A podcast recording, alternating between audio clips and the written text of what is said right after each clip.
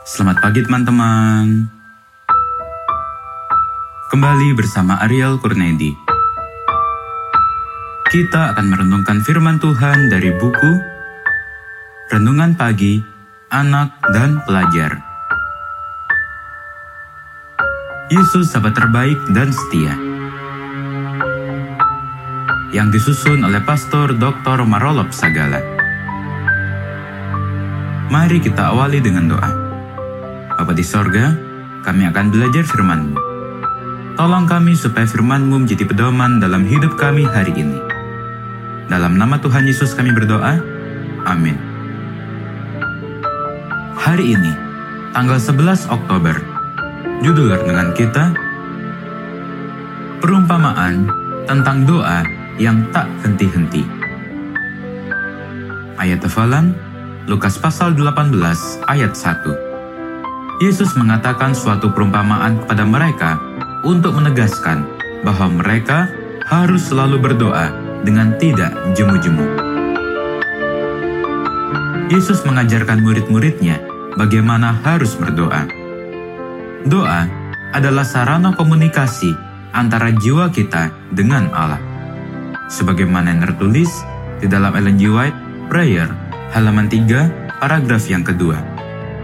Yesus tidak hanya mengajarkan bagaimana harus berdoa, tetapi harus berdoa dengan gigih dan berdoa dengan tidak putus-putusnya. Berdoa terus ketika engkau meminta kepada Tuhan dan jangan pernah putus asa.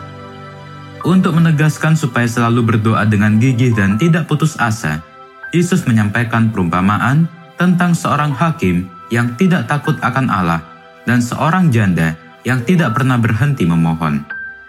Di kota itu, ada seorang janda yang selalu datang kepada hakim itu dan berkata, Belalah hakku terhadap lawanku. Sebagaimana yang tertulis di dalam Lukas pasal 18 ayat 3. Lama dan beberapa kali janda itu menyampaikan permohonan, tetapi hakim itu menolak. Tetapi janda itu tidak pernah berhenti dan terus memohon kepada hakim itu. Inilah yang hendak diajarkan Yesus. Jangan pernah berhenti berdoa kepada Tuhan. Berdoa itu harus seperti bernafas, yaitu bernafas tidak pernah bisa berhenti. Demikian juga berdoa tidak boleh berhenti. Setiap nafas harus menjadi sebuah doa. Alasan mengapa banyak orang merasakan bahwa mereka berada dalam cobaan adalah karena tidak menetapkan Tuhan selalu di hadapan mereka sebagaimana yang tertulis di dalam Ellen G. White Prayer halaman 76 paragraf yang kedua. Dengan kata lain, dengan berdoa yang tidak berkeputusan itu akan membuat kita selalu merasa dekat dengan Tuhan. Bagaimana Tuhan menjawab doa yang gigi itu digambarkan oleh Yesus lewat perumpamaan hakim itu. Karena ketika hakim itu lama tidak mengabulkan permohonan janda itu, tetapi pada akhirnya hakim itu berkata, Walaupun aku tidak takut akan Allah dan tidak menghormati seorang pun, namun karena janda ini menyusahkan aku, baiklah aku membenarkan dia, supaya jangan terus saja ia datang dan akhirnya menyerang aku. Sebagaimana yang tertulis di dalam Lukas pasal 18 ayat 5. Tentu, sifat Allah tidaklah sama seperti sifat hakim itu sifat Allah sangat jauh berbeda dan tidak dapat disamakan dengan hakim itu. Tetapi yang ingin ditegaskan oleh Yesus adalah sikap janda itu yang tidak mau putus asa menyampaikan permohonannya.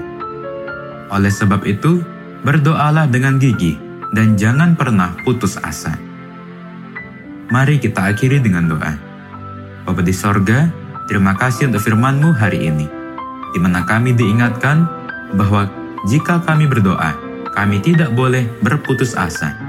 Dan tolonglah kami supaya kami boleh selalu berdoa dengan terus-menerus. Inilah doa kami, di dalam nama Tuhan Yesus kami berdoa. Amin.